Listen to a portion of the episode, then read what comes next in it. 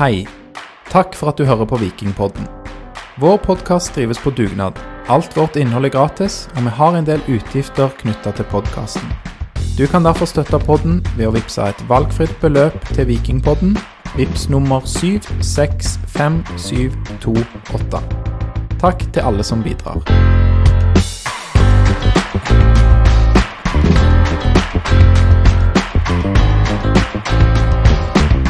Velkommen til episode 197 av Vikingpodden. I dag med Lars, læreren fra Madla. Velkommen, Lars. Takk, Aleksander. Og så har vi fått inn eh, litt eh, fotballekspertise her i dag for å snakke om eh, sesongen til Viking kvinner, og kanskje ja, gjøre en vurdering og to av herrelaget, som i dag har tapt 3-0 borte mot HamKam. Så velkommen til Hanne Sætre Jacobsen Takk. og Hanna Handeland. Takk. Ble jeg usikker på etternavnet ditt, sa jeg det riktig? Ja. Ja, det var Ja, godt, Hanna. Det er bra. Dere har jo ganske like navn, Hanne og Hanna, og har lik dialekt. Det kan bli en utfordring i episoden. Kanskje det.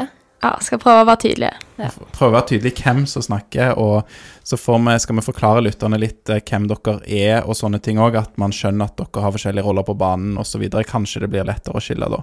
Og Tips er jo da å se på YouTube. Da kan du jo se hvem som er i fokus. Ikke sant? Følg denne podkasten på, på YouTube, så er det veldig tydelig. Men må vi snakke masse om eh, herrene i dag, Aleksander? Vi har jo to eh, seiersvante damer her. Eh, det hadde vært gøy å bare fokusere på det. Ja, jeg må jo innrømme at planen var jo å snakke om kvinnelaget sin veldig gode sesong, og snakke om herrelaget sin fine seier mot eh, Hamar-kameratene, men sånn har det ikke gått. Så jeg, jeg vet ikke, må vi snakke mye om herrene? Ah, Hva sier dere? Vi må kanskje innom det. Ikke jenter? Ja, må litt innom det òg. Ja, dere har jo eh, sett på dette her greiene med oss, og da Vi har brukt litt tid på det, og eh, skal se litt hva som gikk skeis eh, på Hamar. Men eh, Lars, skal vi begynne med det som er hyggeligere, og det er jo kvinnelaget sitt eh, opprykk. Ja, nå sikra Viking kvinner opprykk til førstedivisjon eh, forrige helg, borte på eh, Årbakkebanen på Bryne. Knuste Bryne. Eh, nå sto stille, 7-0 det ble. Ja, 7-0. Eh, Dere har spilt jevnt med de før, har dere ikke det? I gamle dager? Jo, i fjor hadde vi en kamp der det ble 0-0, faktisk. Så Har, har dere blitt bedre, eller har de blitt dårlige? håper jo at det er vi som har blitt bedre, da. Ja, det, det vil jeg si. Ja. eh, og endelig ble opprykket klart, så vi har jakta nå i eh, flere år og vært på nære nippet. Jeg vet ikke, Vi snakket litt om det på forhånd. Den sureste opplevelsen var kanskje 2021, der det var en eh, ja, en annullering borte i Odd og, eller mot Odd i Skien og i det hele tatt eh, røyk på oppløpet. Stemmer det at det var den som var surest?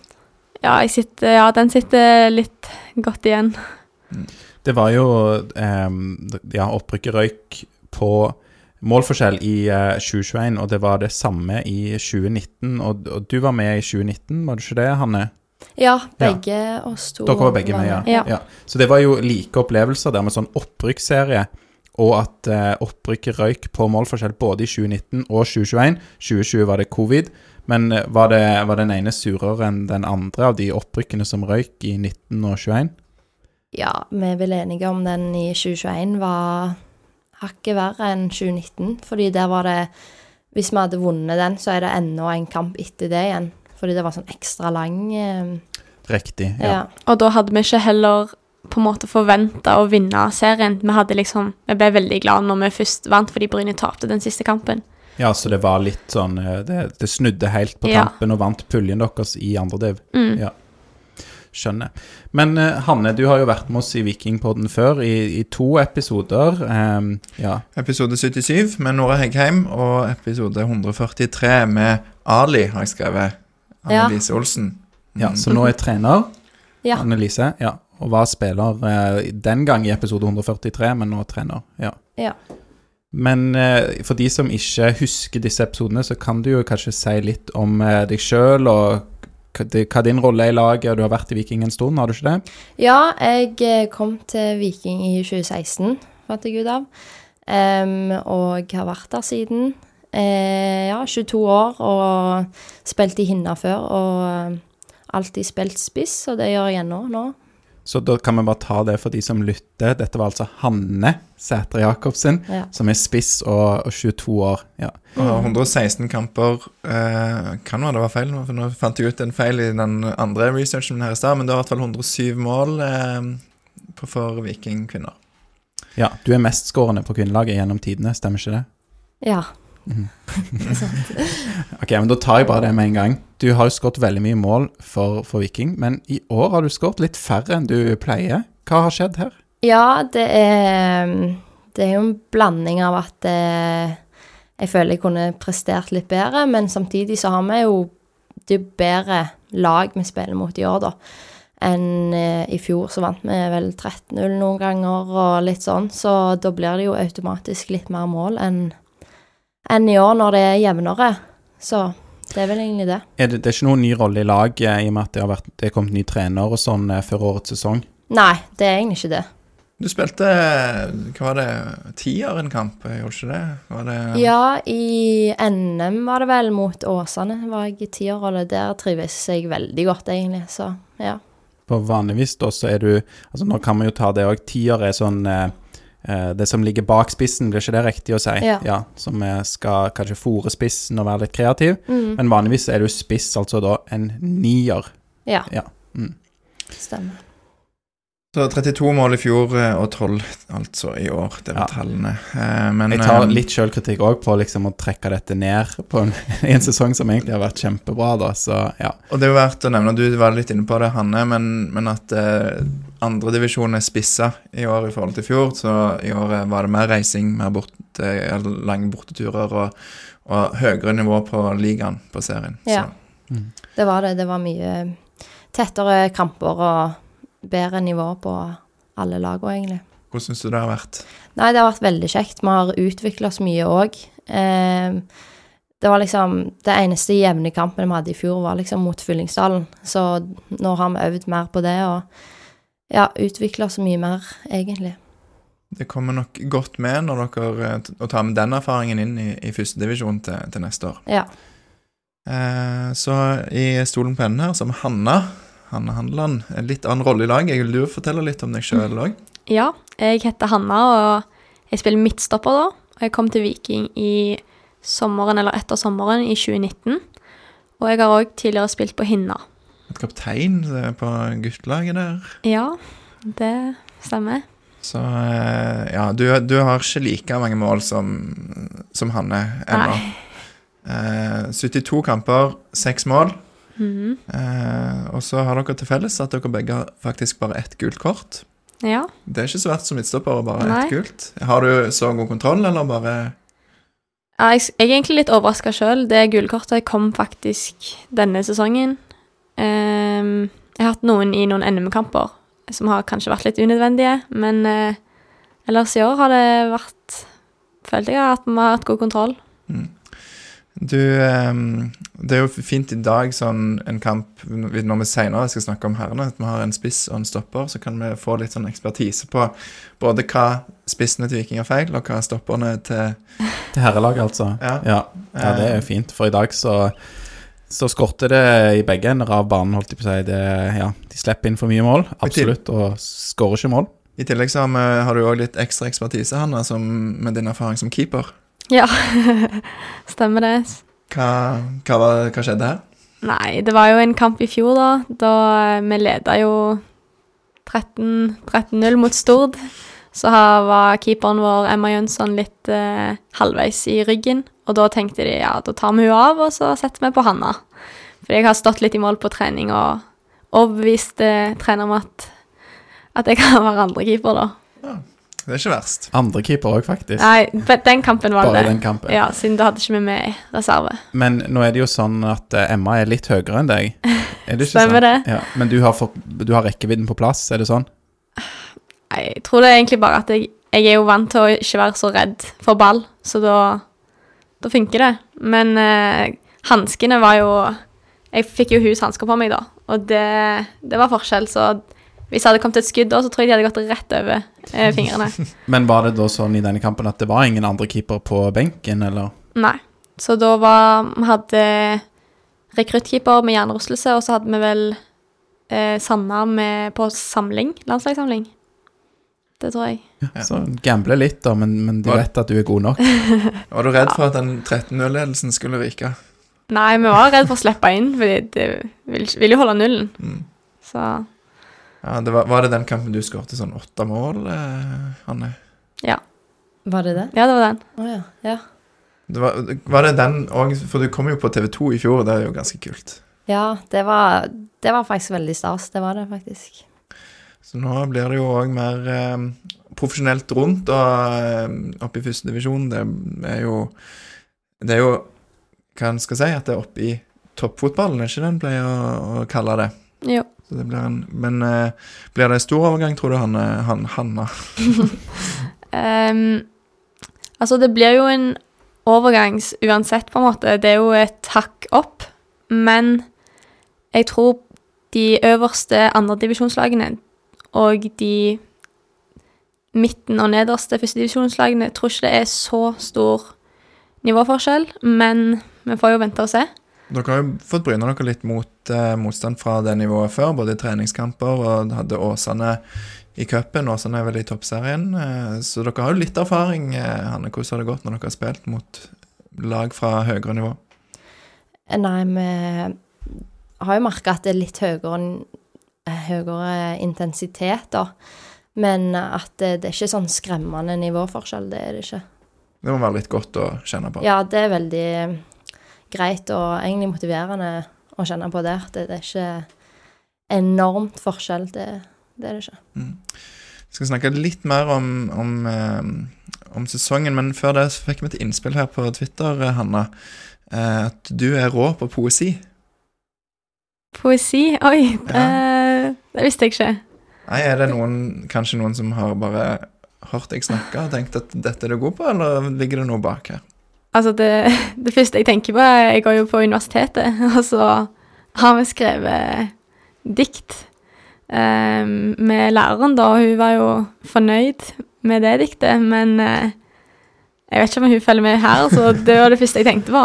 Er det da sånn at du studerer noe språk, eller noe Mm. i den gata? Nei, jeg går eh, femte til tiende klasse lærer, Ja. så da had, så går jeg norsk, da. Så da hadde vi om, om dikt. Mm. Har du lært deg dette diktet utenat, som du fikk skrøyt for? Å nei da. det Men du har det på en lapp i lommen som du alltid har med deg. Ja ja. Du Ja, så tenk... da kan vi få høre det senere, Ja. kanskje. Kanskje. Det får bli bonusmateriale eventuelt. Ok. Ja. Så, ja. Ehm, ja, litt, eh, skal vi ta litt mer om kvinnene før vi går på herrene? Er ikke det greit, Aleksander? Det høres fint ut. Det er bra, det bare sto noen rar rekkefølge på arket mitt her. Men eh, årets sesong, vi har vært litt innom det. Det var noen nye, nye eh, grep som ble gjort. Eh, ny trener, Magnus Meling inn på eh, 100% stilling. Eh, vi hadde han i podden i, i eh, vår sammen med Gina Ødegaard. Den kan jo folk sjekke ut.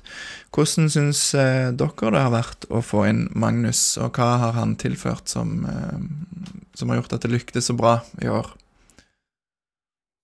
Skal jeg begynne? Ja. Nei, eh, vi er veldig fornøyde med han. Ehm, jeg tror at kanskje det med at å ha en trener som har 100% stilling, har ganske mye å si, fordi du har, han har tid til å gjøre det mye mer profesjonelt for oss. Han, vi merker jo at vi har veldig mye videomøter, vi har veldig mye oppfølging, på en måte, og så har vi på en måte en plan klar før hver trening, og du merker på en måte litt mer At det er litt mer forberedt, og litt Alt er litt mer profesjonelt, da. Når du sier videomøter, eh, Hanna, da er det altså, gjennomgang av analyse, den type ting, eller? Ja, så da er det med, med alle på laget, der vi går gjennom kamp og eh, treninger og hvordan vi møter de ulike lagene. Og så er det òg individuelt, hvis du ønsker det. Og av og til er det jo obligatorisk. Noen andre ting Hanne, du vil trekke fram? Nei, det er jeg enig med Hanna. Det er jo litt mer profesjonelt, og ja At uh, han har tid til Det er jo jobben hans nå, da, så det, det er vel egentlig den største forskjellen. Det er det. Mm. Kommer jo fra Fredrikstad um, som assistentene på, på herresiden. Um, har dere liksom merka noen ting som på en måte han har måttet jobbe med i møte med at det er kvinner, eller tror dere det har godt vært likt for han? Jeg tror det har vært ganske likt. Jeg har ikke merka at det var noe mer, bare at han må være litt mer forsiktig og gå inn i garderoben. det, Så han har ikke storma rasende inn i garderoben etter Nei. dere har gjort, eh, gått på et tap eller noe? Nei, det har han ikke. Nei, godt for han. Ja. Det er ikke så mange tap de har gått på her. Det, Nei, det har jo skjedd, da, denne Ja. sesongen. Det har det. Ja, eh, men eh, han en ting som eh, kanskje kan være Har vært nyttig for dere, kan jo være denne her Dette med kynisme og sånn. Vi snakket litt om det når vi så på kampen. Hva, hva handler det om, Hanna? Ja, jeg syns jo at Magnus har vært veldig flink med det å være kynisk. Han har vært litt opptatt av det og snakket med oss om det før kamp. Og vi har til og med Vi spilte jo en kamp mot Tiller eh, på bortebane. Veldig tøff kamp. Og det var egentlig De lå i kortene at de skulle skåre. Um, og så fikk de et straffe. Og vi hadde snakket om det tidligere den uken. At hvis noen skulle få straffe, så skulle vi prøve å liksom drøye tiden litt, sånn at det tok litt lang tid, og vi skulle Ja, sant? Og så eh, står jo meg og Sara og snakker litt piss og får tiden til å gå. og Kristina drar litt sånn at det, det tar lang tid før hun får tatt straffen. Vi ser at hun blir mer og mer nervøs, og så bommer hun. Og strålende redning av keeperen vår, da, men eh, ja, så Får du ikke dårlig samvittighet i det hele tatt når du Altså, jeg ble litt stressa når vi skulle se video etterpå om du skulle høre alle tingene vi sa.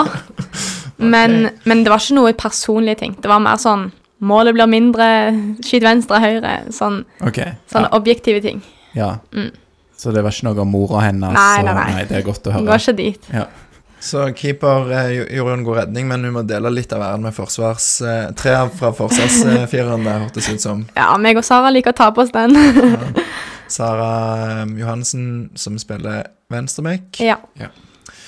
Eh, noen andre ting. Hanne i andre enden av banen, kanskje, med Ja, Ja, det handler jo litt eh, om eh, å liksom Sånn som når vi spilte mot Gran Bodø i den ene opprykkskampen, så kunne vi vært mer kyniske, og det er det vi måtte vært mer i år. At liksom når vi skal forsvare en 1-0-ledelse, så nytter det ikke å ha sinnssykt eh, risikospill foran 16-meteren vår, liksom. Heller drøye litt tid og ja.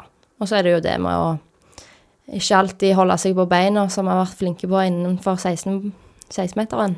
For dere er jo ganske tøffe, og, og liksom Hvis dere blir tatt, så prøver dere jo å holde dere på beina og, fullføre, men det viser jo dessverre i fotballen at eh, hvis en gjør det, så blir sjansen mindre, og så får du ikke straffe. Ja, det er sant, og vi har alltid vært litt sånn Ja, vi har prøvd å holde oss på beina uansett hva, så det Vi har lært litt det, at det nytter ikke det. Men ikke filming. Nei, det Eller Nei. Ja, jeg vil ikke si at vi har hatt så mye filming. Det har vi ikke. Hvis du blir tatt, så er det lov å gå ned, for da ble du tatt. Og da, Ja. Du må ikke på død og liv holde deg på beina. Nei. Det, det høres bra ut. Eh, en annen gøy ting fra denne sesongen her er jo at eh, Eller ikke, jeg vet ikke om det er gøy, eller dere kan jo si litt hva dere syns om det. Eh, Viking går opp, og så går Klepp ned til der, eh, den divisjonen dere nå har spilt i i år. Det er jo et veldig tydelig eh, skift, tronskifte på fotballen her i Sør-Rogaland, i hvert fall. Eh, hva tenker dere om det? Er det bra at det at det blir tydelig nå at Viking er nummer én i regionen her. Altså, det er jo selvfølgelig kjekt at vi går opp. ehm, og så skal jo ikke si at vi er bestevenner med Klepp. Det, det er jo rivaler, men eh, det er jo, det er jo dumt, for eh, de har jo en lang historie i, eh, på toppnivå. Så det er jo litt trist òg for eh, Rogaland, men så er det gøy at det er Viking som kommer, kommer opp, og det syns jeg det er sånn det skal være. Det hadde kanskje vært gøy å ha hatt noen eh, tøffe lokaloppgjør mot Klepp da neste år, men eh, ja, vet ikke. Eh, Blir det savn, tror du, Hanne? Eh, jeg tror ikke det blir sånn veldig savn, men ja, det som du sier, det hadde vært kjekt å ha fått eh, lokaloppgjør og mye folk og sånn, så det hadde vært kjekt, det. Mm. Men eh, ja. Nå spurte du ikke meg, Lars, men jeg tror at vi trenger et eh, skikkelig lokomotiv på kvinnesiden. Og eh, Klepp sin tid som ja, lokomotiv, eller mulighet Traktor. Traktor. Klepp sin mulighet for å være et traktor i en traktor i kvinnefotballen, den er over. det er, det er jo noe man, man ser egentlig over hele Europa, at eh, de, de mindre klubbene de klarer ikke å, å hevde seg. Det er selvfølgelig noen eh, unntak, men eh, dette med å ha hva skal man kalle det, stordriftsfordeler da, med, herre- og kvinnesiden, det, det er veldig viktig. Så for oss som er glad i Viking, så er det jo selvfølgelig supert at det er Viking i Rogaland da, som kommer opp og tar denne plassen. Ja, En ting som har vært eh, kjipt, syns jeg, i hvert fall, med at Klepp har liksom hatt den posisjonen, og de har vært i toppserien mange år, rykka vel ned i fjor osv. nå i år, det er jo at de har Det er mange spillere som har eh, Som de har plukket opp fra Viking, som ville til et høyere nivå. Eh, er det noe sånn at nå som dere bytter plass, hvis noen av de kommer liksom Ja, kan vi si krypende tilbake, jeg vet ikke om det blir riktig, men hvis de kommer og vil være med på, på Viking, for nå er Viking bedre, hva tenker dere om det? Anne? Eh, nei Får se hva, hva som skjer, men eh, jeg vet ikke om jeg vet ikke om noen som vil tilbake, eller hva de vil. Er det men, noen som er gode nok, da? Det vet jeg ikke, det må nesten trenerne se på. Men dere har noen tidligere lagkamerater som er der nå? Ja, det er vel bare to. Ja. ja. Ja. Hvem er det? Ingrid Rame og Maria Sandvik. Mm. Mm. Keeper og ja. Så er det jo det er mange andre som har forlatt eh, Viking opp igjennom, som jo har gjort det vanskelig, liksom, kanskje vanskeligere i hvert fall, å sikre dette opprykket. Eh, er det noen dere ville ønske eh, at dere fikk med dere nå når dere kommer opp, fra noen andre lag som ligger enten der eller i toppserien? Fra Viking. Ja, noen tidligere vikingjenter. Det er jo mange gode, da. De, Ja, det er jo det. Irene Dirdal. ja, Smilla gjør det jo veldig bra ja. i um, Da- Sverige. Er Mm. ja. Hun Smilla Valotto. Ja. Ja. Hun spiller vi i Hammarby. Ja. Så hun gjør, jo, gjør det veldig bra der. Mille har jo akkurat kommet tilbake fra kneskade. Hun er jo i Brann med Aune. Ja. Hun er òg bra. Ja. Og Helene Broch er jo tilbake nå, Mm. men hun er ute med kneskade, da. Men hun kommer jo sterkt Ja, hun kom tilbake. i sommer. Ja, Ja. Det gjorde hun. Ja. Så, eh, så det, det er mulighet for de å komme tilbake, altså, selv om de forlot dere når dere trengte de. Ja, ja, Ja. det er det. Så gikk det jo bra likevel, så det er jo bra. Ja, det er jo bare å glede seg til neste år. Det blir veldig kjekt. Mm. Um, vi har um, Ja, denne sesongen er jo Det er to kamper igjen. Um, opprykket er allerede sikra. Dere har spilt 24 kamper, vunnet 21 av de. Og to uavgjort og et tap. Um, og så i morgen, søndag 5. november, så er det jo siste hjemmekamp. Det ryktes om tilskuerrekord. Jeg har hørt noe, hørt snakk om noe bankett etterpå.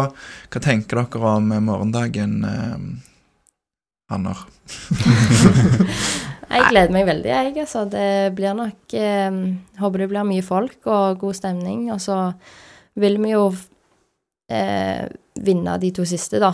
Og avslutte sesongen med stil. Så vi slipper oss ikke nedpå av den grunn at vi har rykket opp allerede. Og nå spiller vi jo en podkastepisode her lørdag kveld, og dere har jo kamp allerede halv tolv i morgen tidlig. Mm. Men eh, det, da er det godt at opprykket er sikra, kanskje, siden vi skal rangle her hele kvelden og spille inn en to timer lang episode, er det ikke det? Ja, det, det er vel det.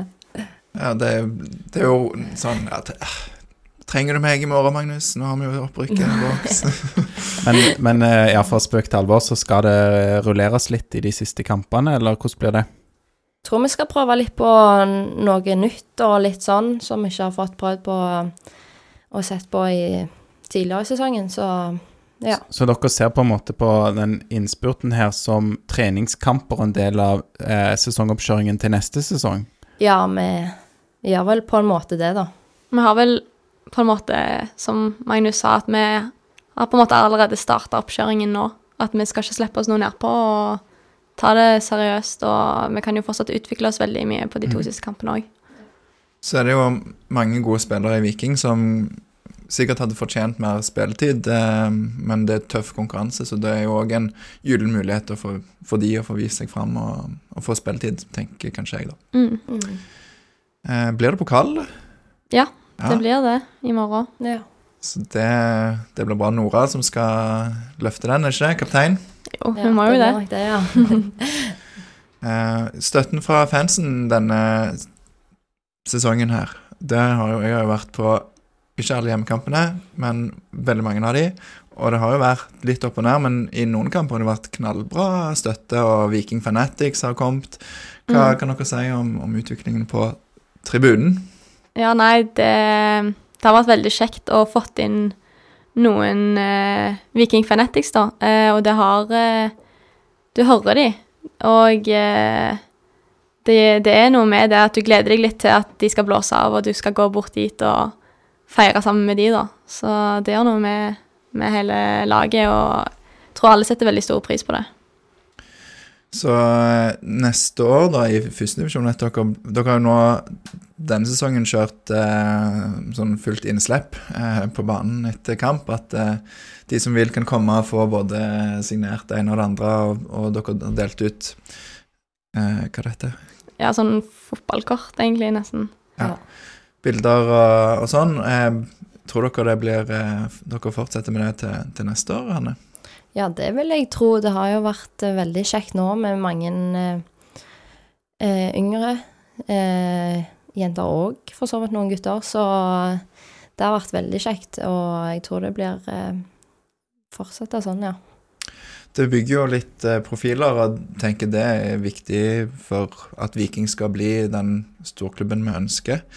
Ehm, det er jo det er veldig gøy, syns jeg, da, å se. Eh, dere blir jo behandla litt som stjerner. Er ikke, er ikke litt gøy, Hanna? Jo, det er veldig kjekt. Og jeg tror eh, jeg, jeg så noen la ut, eh, en mor la ut på Instagram etter eh, kampen at de satte veldig stor pris på at vi tok oss tid til å faktisk skrive og snakke litt med dem.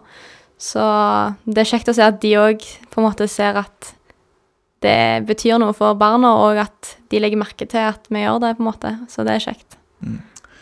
Vi får håpe òg at eh, altså publikumstallene går eh, enda videre opp da når man tar steg opp i førstedivisjon, men samtidig at eh, man klarer å beholde den nærheten, da, for det er jo veldig kjekt å, å se hva det betyr, og måten dere kan eh, eh, ja, ha interaksjon med supporterne på.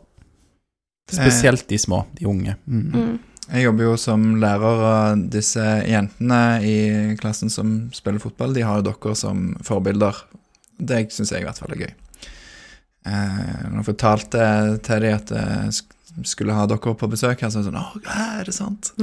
så, eh, så det eh, merker jeg på, eh, på de som jeg møter, i hvert fall. Um, vi skal straks bevege oss inn på herrene, men det var én ting eh, til jeg tenkte på, men nå sklapp det litt. Jeg kan ta og spørre om en annen ting eh, imens. da, sant? Vi er jo på vei eh, over i å, å snakke om herrene og dagens eh, kamp. og um, Bare spørre litt om det. Dere får med dere en del av herrekampen, er det ikke sånn? Jo, det, vi ser de fleste kampene, ja. Mm. Ja. Eh, sitter på, på tribunen bak oss, tror jeg jeg har sett eh, noen ganger. Og så og så er dere òg faktisk sånn at dere bidrar på, på kampdag av og til litt sånn på jobb, er det det? Ja, vi har jo hatt eh, dugnad i år, da, og stått og skanna billettene. Så det er på en måte en eh, Hva skal jeg si Man, man må bidra litt, selv om eh, la oss si dere av og til blir behandla som, som stjerner. Så er det Man må, jo liksom jobbe litt for det òg, da alle må bidra. ja. Det kan jo være en, noe som blir mindre av nå som det blir toppfotball og enda mer eh, profesjonalisert. Og, ehm, dere har begge to har kontrakt med proffkontrakt med Viking, ikke, ikke sant? Ja. Hvor mange i troppen er det som har det nå? For det har jo vært en stor utvikling de siste årene på, på antall kontrakter. Det er vel eh, en Tolv? Ja, noe sånt. Mm. Satsa over evne, er det ikke det jeg leste i Aftenbladet? Ja, det er jo Ja, det, det er jo ikke Det er jo Nesten satse over evne, tror jeg var formuleringen, bare så jeg sier det. Men de har jo virkelig altså, ja, gjort et eh, solid forsøk og kasta òg penger etter prosjektet. Så det, ja. eh, Dere har kontrakt ut neste år, begge to? Ja, jeg, ja, jeg har skrevet til 2024. Mm. Ja, jeg har sommeren til 2025. Sommeren 2025, ja. Ok. Ja.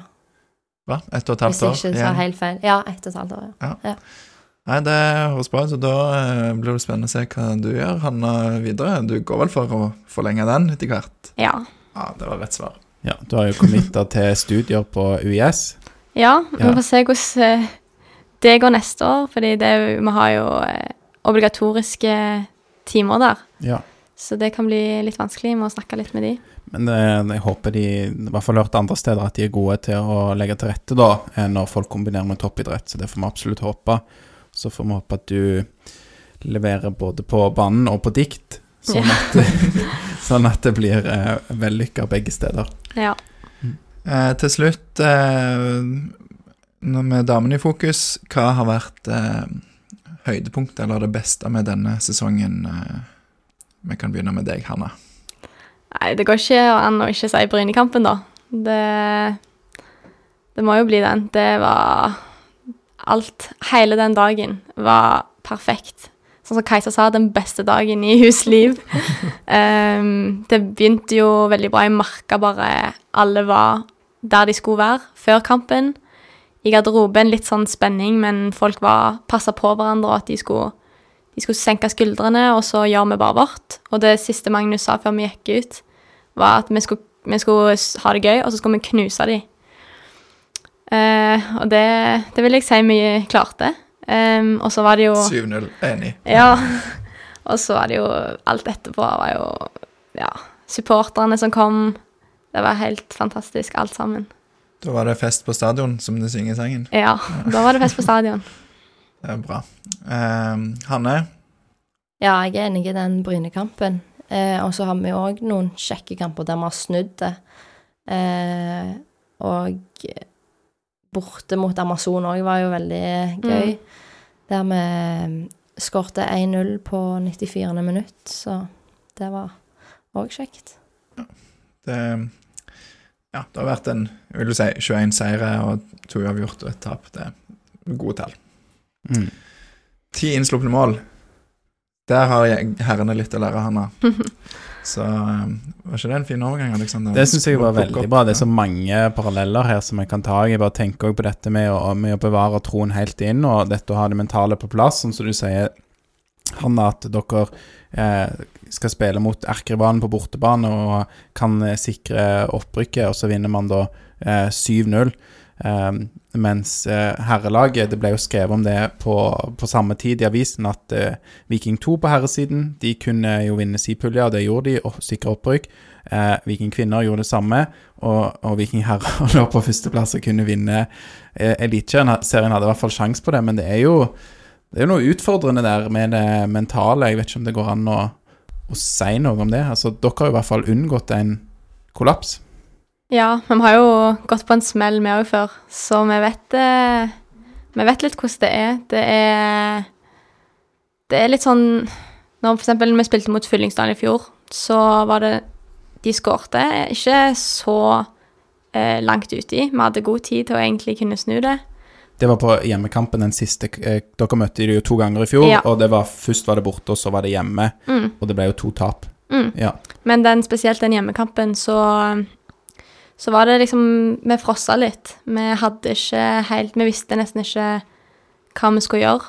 Mens i år så har vi òg trent veldig mye på det mentale, egentlig. Vi har hatt møter med psykologer, og der vi har hatt mental trening, og snakket veldig mye om at vi ikke skal være redd for å feile, da. Og at når vi går på en smell, så skal vi samles og være sammen om det. Så vi har blitt veldig mye mer eh, samlede, som eh, vi pleier å si. Mm. Mm. Det høres bra ut. Ja, Jeg sa det var det siste, men jeg kom på at vi har fått noen lytterspørsmål. Så vi tar det hvis det er greit. ja kjør på, Lars. Eh, oss mot resten av verden på Twitter, han har eh, spurt, eller sagt først, at det var en fornøyelse å se dere spille. Masse glede, entusiasme og kontinuerlig vilje til å angripe, sjøl på 6-0. Han skulle gjerne sett det samme hos herrene i oktober. Eh, oss mot resten av verden er jo en av de som er med på felt O. så han har òg et spørsmål. Hvordan var det å spille når det var såpass mye galskap på sidelinjen fra ultrasgjengen på felt O? Det var, det var ganske gøy. De gir jo litt ekstra motivasjon og ekstra energi, så Nei, det var bare gøy. Så håper jeg det Vi får se sånne scener litt mer neste år. Så det, det var helt konge. Det var det. Det var jo godt oppmøte der. Det var litt bluss og uh, synging og i det hele tatt. Uh, litt mer kanskje enn dere er vant med. Ja, absolutt. Mm. Det vil jo være en, en annen type motstand i, i første divisjon òg, så jeg håper jo at det er noe som kan være en, en styrke da for Viking, at vi har en bra eh, supporterskare bak oss.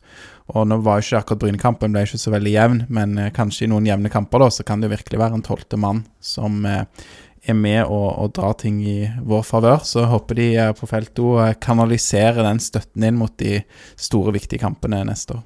Ja, håper vi det. Og det var jo akkurat som vi var på hjemmebane når vi spilte på Bryne. Det var Hørte ikke de B-gjengen, eller hva de heter, så godt, så det var kjekt. Det er bra. Kom til noen flere lytterspørsmål her, Lars, eller? Ja, det er en som heter Alexander, som spør eh, hvordan det alltid er å tape i to touch. Ja, Ja, det, det- pleier vi ikke å gjøre så mye, egentlig, så jeg må spørre Nei. Alexander hvordan det er. Jeg må spørre han hvordan, eh, hvordan eh, skoene hans henger fast i gresset. Og, og bare for å ta det, dette er altså ikke noen som driver podkast, det er noen som trener Vikingkvinner? Er det ja, noe sånt? han eller? er vel eh, Han har Han er vel spiller Ja. logistikk ja. ja, ja Alexander Larsen. Larsen, ja, ok, ja. Eh, gjort en god jobb for, eh, for Trodde han var best med kamera og sånn. Jeg tror ikke han var Han er jo det, ja. touch. Ja. ja, jeg tror ikke det Jeg tror ikke han er så god på det, nei. Nei. Mats Haugland ber dere snakke litt om Alexander Larsen-effekten, og hvordan hans inntog har påvirka Viking. Um, Er, det, er det Magnus eller Alexander Larsen som har påvirka mest? Er det? Ja, det er ikke Larsen med den to-touchen, i hvert fall. Nei. hva, hva er greia der? Kan jeg bare spørre, Er det noen historie der? Eller noe Nei, det er jo han eh, Han liker å ha sånn der eh, to touch. Det er på en måte nulldab med Du må ha tvunget to touch. Så liker han jo å tro at han er veldig god. Ja, og så Så- pleier vi å ha det etter trening og sånn. Sånn konkurranse, så For de lytterne som ikke kjenner til Alexander, de vil jo kanskje, eh, når vi snakker om det nå, huske hans navn fra Aftenbladet, for han har jo både skrevet og tatt bilder fra Aftenbladet tidligere, men er jo nå ansatt i Viking og jobber på kvinnesiden med spillerlogistikk og SoMe-ansvarlig. ja, sosiale medier. Mm. Og etter hva jeg vet, så spiller han òg på havørn. Dur. Havørn, ja. Havørn, ja. Havørn. Ja. ja. Mm, og er tydeligvis to touch-mester på havørn, så ja. Mm.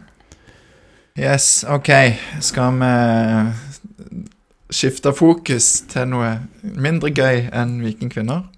Ja, vi kan jo gjøre det. Vi, vi kjører på Vi Har jo en litt sånn formel som vi pleier å dra her når vi snakker om eh, herrekampene. Og eh, dere, Hanna og Hanne, skal være med og ja, si litt om det dere har eh, sett i dag. Og vi pleier jo å begynne med å snakke om, eh, om inngangen til kampen. Og da, da begynner jeg med deg, Lars. Altså, det er jo noen endringer her. Brekalo ut, tvinger seg fram. Langås inn. Naturlig, men så er det to endringer på midtbanen for herrelaget i dag. Det er jo Bell inn og Janni inn. Lenge siden vi har sett Janni spille på midtbanen for Viking.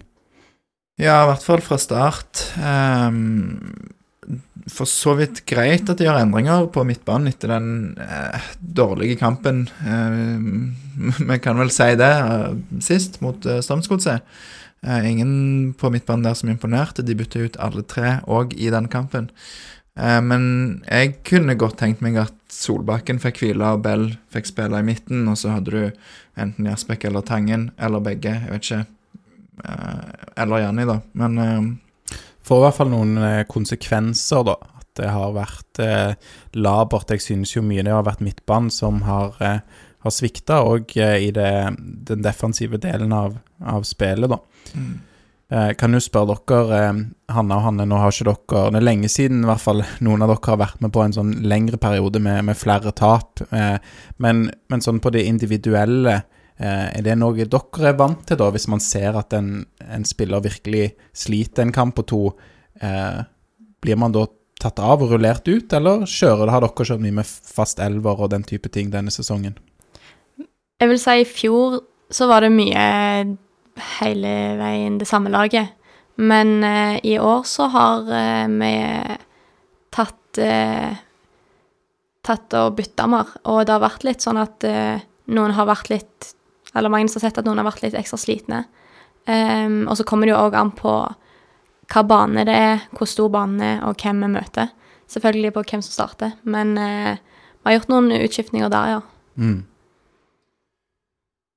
Det, videre framover på banen så gikk jo òg eh, spekulasjonene eh, om eh, Salvesen eh, skulle starte. Jeg leste at eh, Eirik Bjørne hadde lest opp Adegbenro i, eh, når de hadde sånn gjennomgang på, eh, på pub før kamp. Så at de endte opp på Salvesen til slutt. Det tror jeg bare var så vidt. Så vet ikke Ville dere hatt Sal Salvesen benka? Han var veldig kritisk til seg sjøl etter forrige kamp, og heller Samuel inn i stedet? Det er vanskelig å si. Salvesen er jo, sånn du så mot Tromsø, han kom jo inn og skåra et viktig mål. Det, i, det var vel 3-2-målet på hodet. Så han er jo en eh, sterk spiller, og han kan være veldig avgjørende i enkelte øyeblikk. Eh, og Samuel, han er jo kreativ og kan finne på litt forskjellige ting, da. Så det, det er vanskelig å si. Han har jo starta én kamp, eh, Samuel Adegbenro, men det har jo tidligere vært en del snakk om kampform og hvor lenge han holder og står og det er jo det er jo vanskelig. Det er jo denne balansen mellom å i dårlige perioder ikke bli for, for famlende, og så må det jo kanskje få noen konsekvenser, og man må, må prøve noe. Jeg syns i hvert fall det er fint at de tar grep òg fra, fra start, og vi skal komme tilbake til det òg underveis i kampen med, med byttene er litt annerledes i dag enn det vi har sett før. Ja, jeg, jeg eh, stilte jo spørsmålet, men jeg kan nok si min mening, så syns jeg at Samuel burde starte i dag, fordi kampbildet forventer at HamKam legger seg lavt, og eh, det blir jo ganske mye innlegg eh, og dødballer i dag. De vinner jo HamKam, stort sett, selv om Salvesen er på banen. Eh, og med den eh, prestasjonen sist, og den dalende formkurven til, til Salvesen, så kunne han heller vært den som du satte innpå for å endre et kampbilde, og kanskje at Samuel kunne ha eh, brukt sine tekniske ferdigheter, eh, dribleferdigheter, til å drible seg gjennom. Jeg spør dere et til spørsmål litt på dette, Hanna og Hanne. Har dere opplevd det da i en sånn eh, personlig dalende formkurve, selv om laget har jo stort sett og Viking prestert ganske bra? Eh, I fjor var jo en litt sånn Jeg vet ikke. Jeg satt jo igjen med et inntrykk av at Fyllingsdalen var, var litt bedre. Dere havna på andreplass, og de vant to kamper mot dere var på førsteplass. Men, men for dere personlig, da, har dere blitt benka etter en sånn periode med måltørke for Hanne, eller bare litt dårlige prestasjoner? Er det noe dere har vært med på? Dere er stille, kanskje ikke i så stor grad? De har vært så gode. Det, det er bare det. Det er, lov, det er jo det er helt lov å si at dere ikke har blitt benka òg, altså. Jeg føler Altså Det er jo kanskje litt mer eller mindre bytter bak i Forsvaret. Um, fordi der er det jo litt om relasjonene som er litt viktige, og det er litt mindre utskiftninger der, føler jeg. Um, Tvinges mer fram av skader hvis det er noe ja. Ja. Så Ja, jeg vet ikke helt, egentlig. Du har Nei, vel Det er litt vanskelig å si. Eh, Jeg har ikke tenkt på det sånn så mye, men eh, Du har f.eks. ikke blitt rullert ut av laget sjøl denne sesongen, Hanne. Starta det meste, eller? eh, Jeg har vel starta det meste, men det er noen ganger vi har rullert litt, ja. Mm. Så det er veldig stor utskiftning i laget og liksom fra startelver til startelver, og i, etter, etter pausen så gjør vi mange bytter, så det er liksom det som har vært så bra i år òg, at hvis en ikke har dagen, så har vi i hvert fall eh, mange på benk som er like gode, så har så bred tropp, så ja. Ja. Mm. Og så har vi jo litt sånn at eksempel når Hanne spilte jo Har ikke bare spilt spiss, hun spilte jo tiår den gangen, og Ja. indreløper spilte du vel mot Ja. Tiller. Og så har jo jeg spilt litt eh, venstreback i tillegg, så Sånn Ja. sett så har vi jo ja. blitt flytta litt rundt. Ja. Ja. Mm. Du føler deg vel ikke akkurat vraka, nei, hvis Nei. du eh, blir forskjøvet litt. Nei. Noe mer du, Lars, vil si om, om inngangen her? Eh, Du Fortjent at Auklend fikk eh, fornya tillit fra start. Ja. Et av de få eh, friske pustene. Eh, kanskje det eneste etter Strømsgodset-kampen, så ja. Eh, ja, vi, vi kjører litt inn i uh, førsteomgangen. Uh, da det, det begynner jo Eller jeg, jeg synes at kampbildet er litt som man, uh, man kan forvente, men det er et eh, veldig aggressivt eh, HamKam-lag. De ligger ikke nødvendigvis og så venter på Viking. Nei, de, de er høyere oppe i presset og lykkes ganske bra med det. Gjerne høyere enn vi hadde forventa på forhånd. Um, Klarer ikke å skape det helt store HamKam da av sitt høye press. Altså, jeg synes de, de forstyrrer jo Viking, og vi får ikke spilt oss ut og eh, gjort det på en sånn måte at vi spiller så store sjanser, men heller ikke motsatt at de i stor grad bryter høyt opp i banen. Nei, det var et par ganger der det kunne blitt farlig, eh, men det er greit. Det, det som er kampbildet i første omgang, er at Viking har mye ball og, og mm, kommer seg ikke til de helt farlige sjansene. Det ser farligere ut når HamKam bryter eh, eller kommer på overgang, eh, som de, de gjør, uten at det, heller blir noen sånn veldig store sjanser ut av det de kommer med. Mm. Ingen sånn, hva skal jeg si, en, et vikinginitiativ i omgangen, vil jeg si, uten at vi heller er, har de der store toppene og vedvarende farligheter. Eh, ja, største sjansen eh, er det den i det ellevte minutt, når eh, Janni og eh, Shane kombinerer fint, og der Janni avslutter sånn relativt rett på keeper, og det blir slått til corner. Ja, det er vel et av de få eh, punktene vi har notert oss fra første omgang. Eh, Fine kombinasjoner der. Bra spill og bra, tre trekk, bra treff Mm. fra Janni. Så ja, det sier vel litt at det skuddet rett på keeper kanskje er høydepunktet som, som en trekker fram. Um, ja, det, ingen vil ta oss hvis vi sier at Viking er det førende laget, men Nei. det mangler den der siste Gjennom siste ledd, eller giftigheten, eller prøve noe annet enn en rundt og inn på legg, eller ta Ja. noen langskudd, eller ja. Vi nevnte jo dette at eh, Sondre Auklend eh, får fornya tillit fra start, men eh, han må ut med, med skade, Hanna, i det 15. minutt. Synd for Sondre. Ja, veldig. Eh, jeg syns det har vært kjekt å se at han har kommet tilbake til Viking, for det første, og gjort det, gjort det bra. Og eh, jeg syns det er fullt fortjent at han har fått tillit fra start. Mm. Vet ikke, Lars, om vi har hørt noe der om, eh, om skaden. Det var, var noe i foten, mener jeg. Ja, det spørsmålet er om det var sånn føre var, eller om det nå er, var det han vi fikk se av han gjør. Eh, jeg har ikke jeg har ikke sjekka det opp etter, etter kampslutt. Eh, Jeg kan se om jeg klarer å finne det ut i løpet av episoden. Men eh, ja, utover det, jeg vet ikke om det er så mye mer å snakke om i første omgang, jeg. Det, Nei, det er mer å ta tak i i, eh, i andre omgang. Eh, ja, det, det begynner jo ganske bra rett ut av eh, startblokkene i det ja, 46. minutt, så er det, sånn, ja, noen fine kombinasjoner, og, og Salvesen som eh, skyter i blokk. Det Selve det skuddet er ikke så veldig farlig, men det er i hvert fall eh, fint spill av Viking ganske ut fra start. Og så er det jo i det 50. minutt så får vi vel eh, den første store sjansen her i, eh, i andre omgang, eh, Lars. Ja, der er det um, en fin pasning eh, fra Bell gjennom til Bjørsol, eh, som eh, kommer seg inn i 16-meter og ned mot linja. Legger inn til Janni, og Janni tar en touch og to, men klarer liksom ikke å komme til en skikkelig avslutning. Blir pressa av Jeg tror det, jeg lurer på om det er Mava som er tilbake faktisk og presser, jeg er ikke helt sikker. Men ja, der eh, litt, eh, litt mer giftige der, så kunne det blitt farlig. Har du noen kommentarer? Han er som spiss. Eh, Nei, den. det ser ut som han eh, får litt dårlig første touch der, så det var litt vanskelig å få klemt av en, eh, et skudd. Så Men det var bra, eh, fint spill, så Skulle jo helst, der, som du sier, han har bare fått eh, klemt til. Han prøver kon kanskje å kontrollere han eller et eller annet. ja. Ja. Skulle prøvd å få han drylta til han, ja. Mm. Så er det jo eh, dessverre da eh, Ja, mot spillets gang må vi vel i hvert fall si da i det 63. minutt at eh, HamKam de klarer å skåre et mål etter frispark. Da er det jo Bjørlo.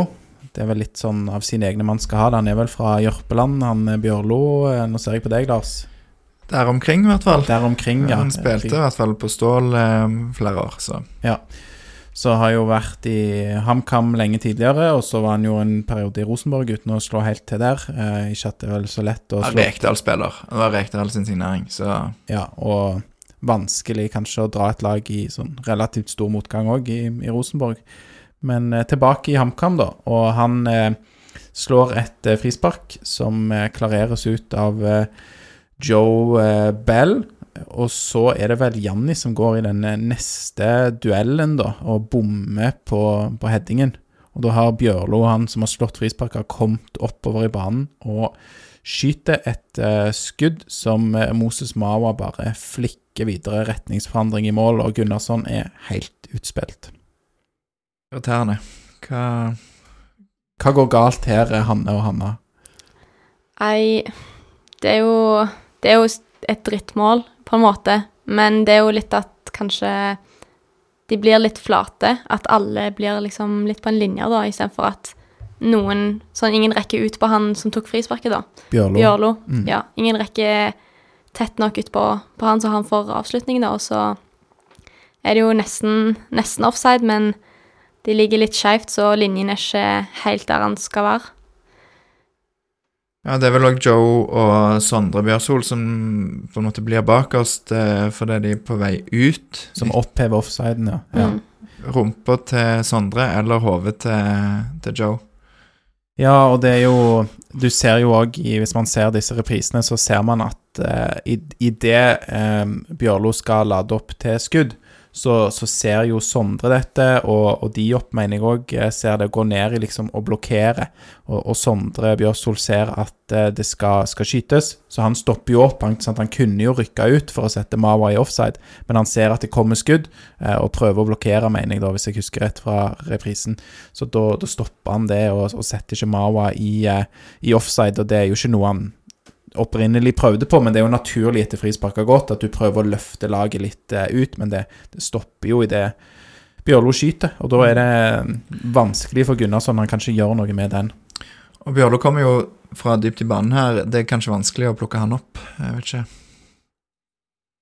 Ja, det Ja, det er jo det, det, er jo det. men eh, jeg tenker jo at eh, hvis ikke alle faller til at de ligger på én linje Fordi at eh, det kommer jo folk i retur som skal bli plukket opp. At, eh, at de har noen som kan bryte ut og være raske nok oppi der.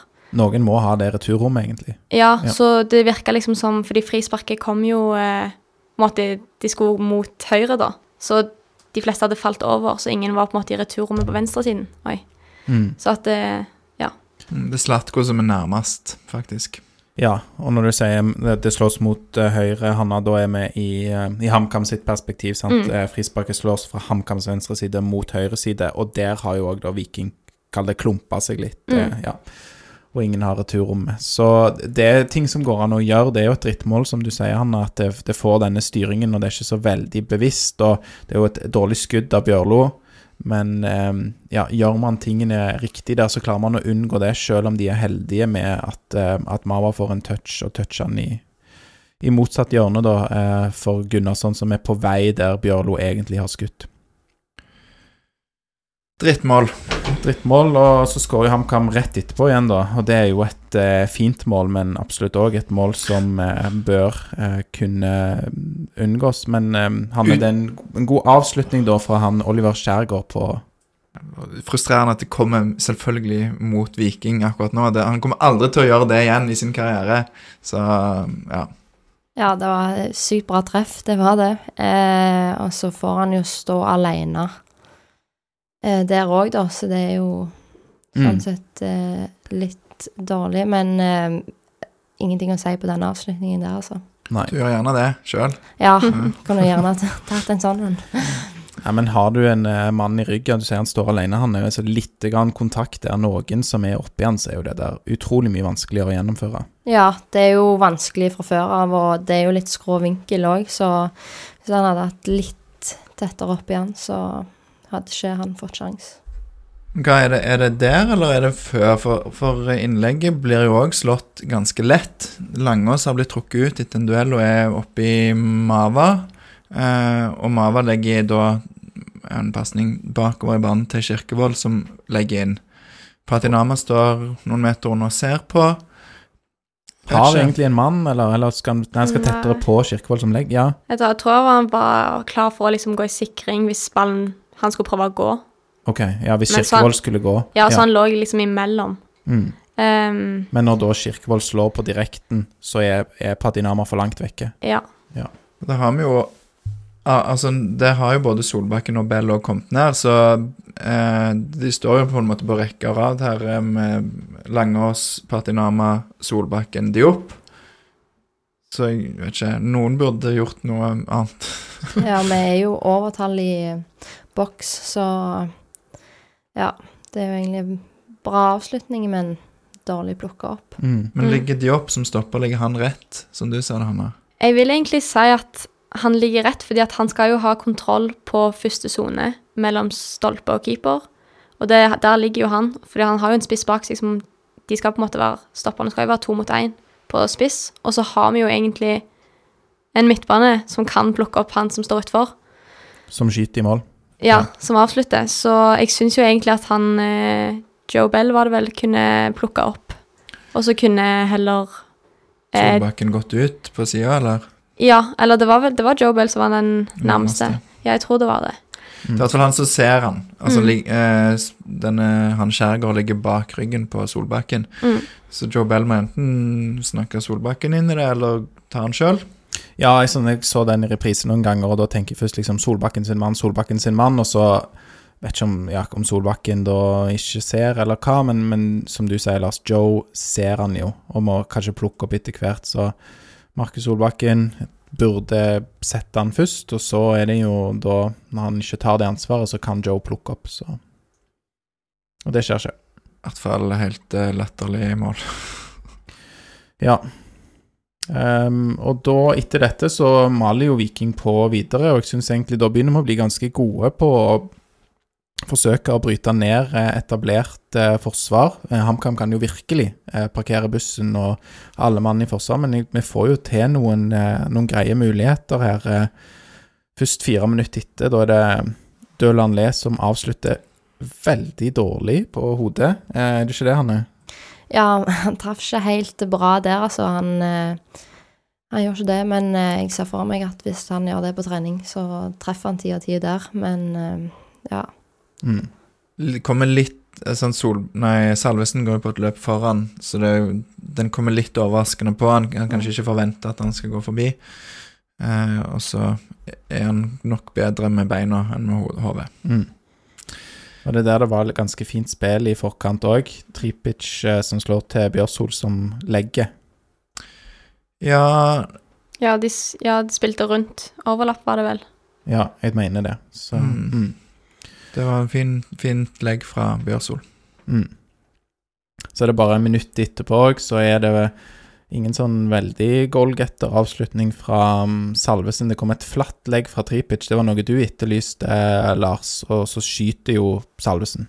Ja, det kan være jeg eh, så meg litt blind på alle de hodeduellene som HamKam faktisk vant. At det, at det var flere sånne forsøk som jeg bare ikke husker. Men flere av de store sjansene vi har, er jo etter sant, spill langs bakken eller litt andre varianter. Så her er det et hardt og lavt innlegg eh, som treffer godt. Altså det er presist. Kommer litt, fra, litt tidlig. Eh, så Salvesen Den er jo vanskelig å å styre, men hvis han treffer riktig der, så er han jo umulig for keeper å ta, for da blir det så, så hardt uansett. Så ja, kunne kanskje hatt flere flate legg, da. Ikke Mm. det. Ja, det er jo noe med bare å, å variere det litt. Og, eh, sant? Vi ser jo de prøver på noen korte corner òg, kanskje i seg sjøl ikke sånn eh, kjempeeffektive. Folk hater jo korte cornere, men eh, det bryter nå i hvert fall opp rytmen kanskje litt og for det forsvarende laget. Så ja.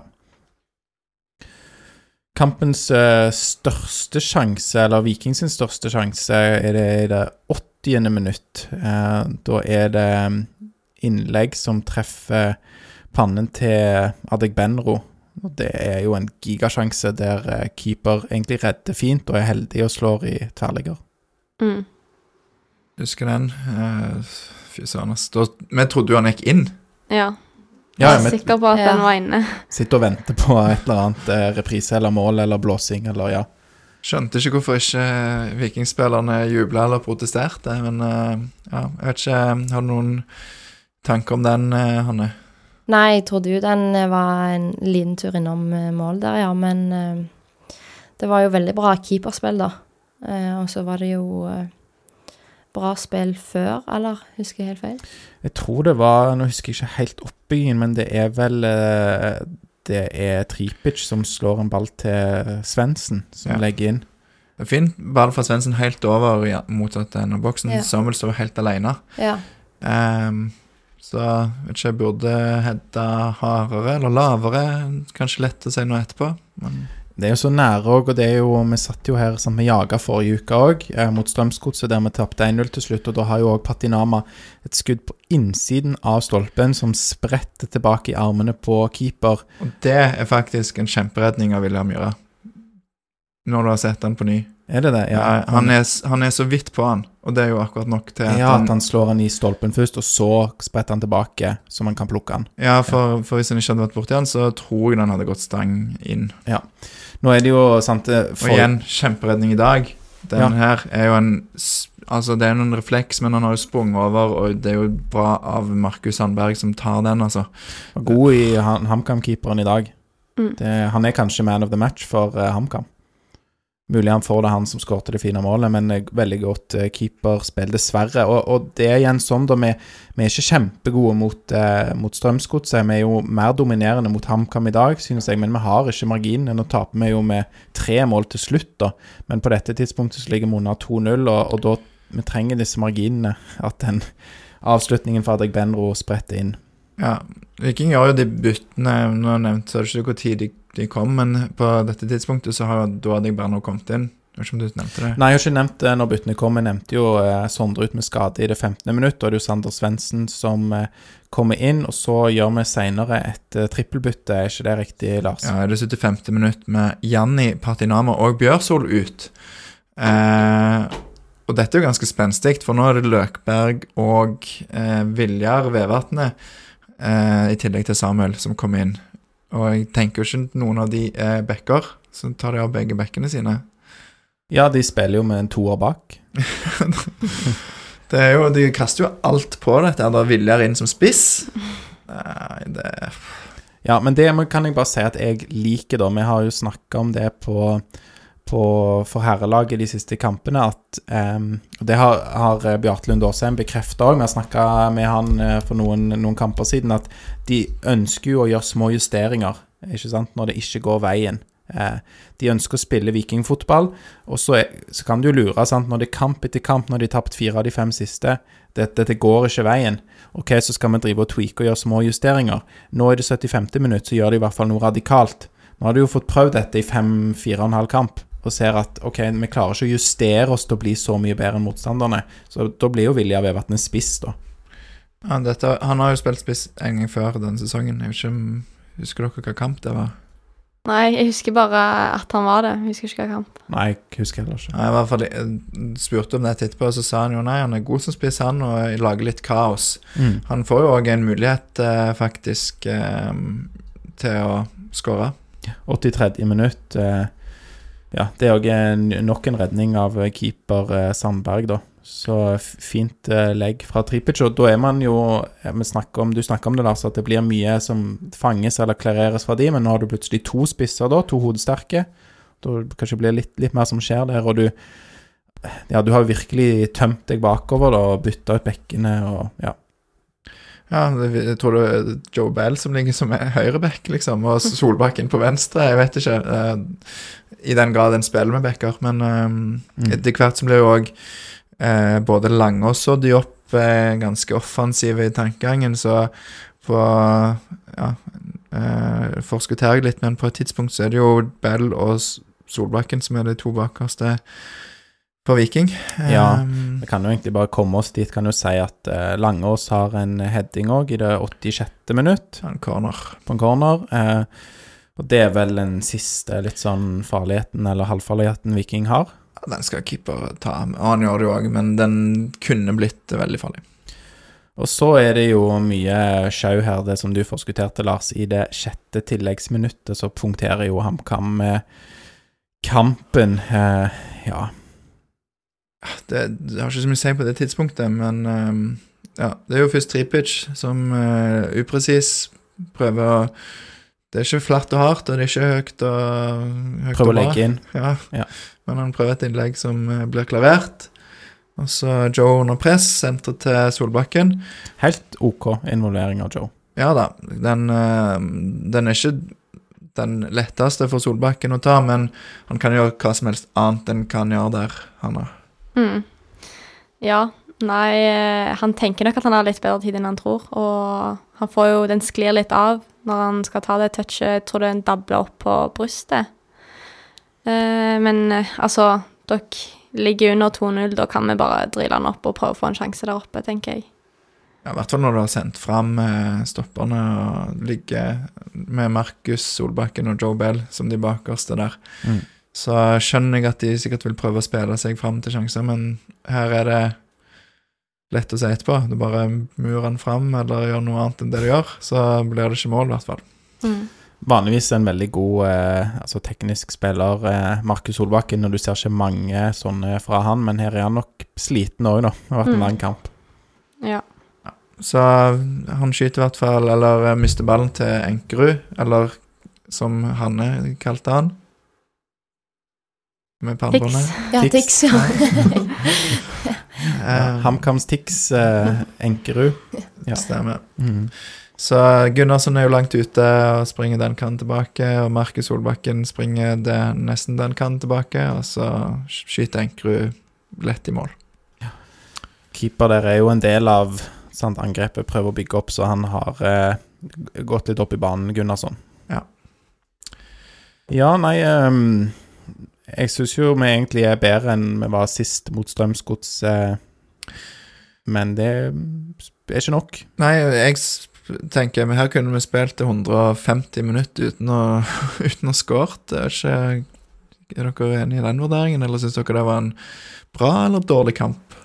Jeg er enig der, altså. Det er Vi produserer jo litt sjanser, men det er jo de marginene vi ikke har med oss eh, nå for tiden, så skulle ønske det var litt mer eh, Litt an, andre angrep enn bare innlegg, egentlig. Litt mer eh, sånn så når de fikk den fine spill, spillet på høyresiden der.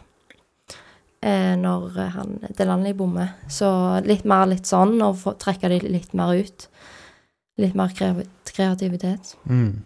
Og så er det jo sånn òg når, når de først begynner med det kreative, så blir de kanskje mindre obs på de innleggene. Og at da må de passe på noe annet, så åpner det seg kanskje seinere for innlegg.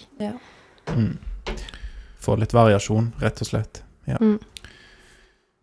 Nei, det er jo det jeg har etterlyst, det som du sier der, Hanna òg. Altså, det er jo Du må gjøre Av og til må du gjøre det du er dårlig på, eller det du egentlig ikke tror vil fungere, men du må jo være litt uforutsigbar. Og jeg syns jo vi lykkes med det i litt større grad utover i kampen, men vi ser jo det når vi ser de siste sånn fem kampene og ett, at Viking er ganske forutsigbare, og folk klarer å nøytralisere, eller motstanderlagene klarer å nøytralisere det vi, vi kommer med. Og de prøver noe annet i dag, og det hadde vært kult hvis Viljar skåret et par mål, men eh, sånn blir det ikke. Så blir det sånn når, når de får dette målet, da, HamKam, så eh, Og særlig siden det kommer to mål på sånn fire minutter, eller hva det er, uh, så blir det jo òg en litt annen kamp enn det har vært, fordi at ja, HamKam ligger lavt, men de vil jo ta litt sjanser, fordi det er viktig for de òg å vinne her. Mens når de har 2-0, så da kan de jo ligge så lavt som de overhodet kan, om jeg. Altså, Mm. vil. Det, de har jo ingenting å uh, Ingen grunn til å kjøre på offensivt. Så, um, Mm. så Så er det det med marginer. Vi snakket om det, den der, det skuddet til, til Bjørlo. Mava gjør jo en Altså, eh, Hanne, du er spiss. Tror du han gjør det med vilje, eller er det, er det en sk- målskårerinstinkt som gjør at han flikker den? Eller er prøver han å ikke bli truffet? Eh, for meg så så det ut som han prøvde liksom å hoppe unna, men så ligger han jo til rett sted til rett tid, da, så det er vel det ofte en spiss skal gjøre. Så, og nå var det jo egentlig helt perfekt. Ja, så går den akkurat langt nok unna til at Gunnarsson ikke når han. Ja. Og så fire minutter senere så er det livets mål for han eh, Skjærgård, liksom. Ja. Nei, det er ikke marginer for, og du har jo sett litt på statistikken, eh, Lars, her òg. Ja, jeg skal ta, ta en remse her, så bare Ja, man vinner jo ikke på statistikk, men det er klart, det er forteller jo litt litt om kampen, da. Det er, tre, det er ikke en kamp som høres ut som en 3-0-kamp til hjemmelaget. Nå leser jeg HamKam sine tall først her. Ballinnehav 25 mot 75 Viking har ballen tre fjerdedeler av tiden. Eh, skudd 14-26. Hvor- 28. 28, ja. Unnskyld. Viking har akkurat dobbelt så mange skudd som mm. HamKam. Og hvorav eh, seks eh, av HamKam sine treffemål og ti av Viking sine treffemål.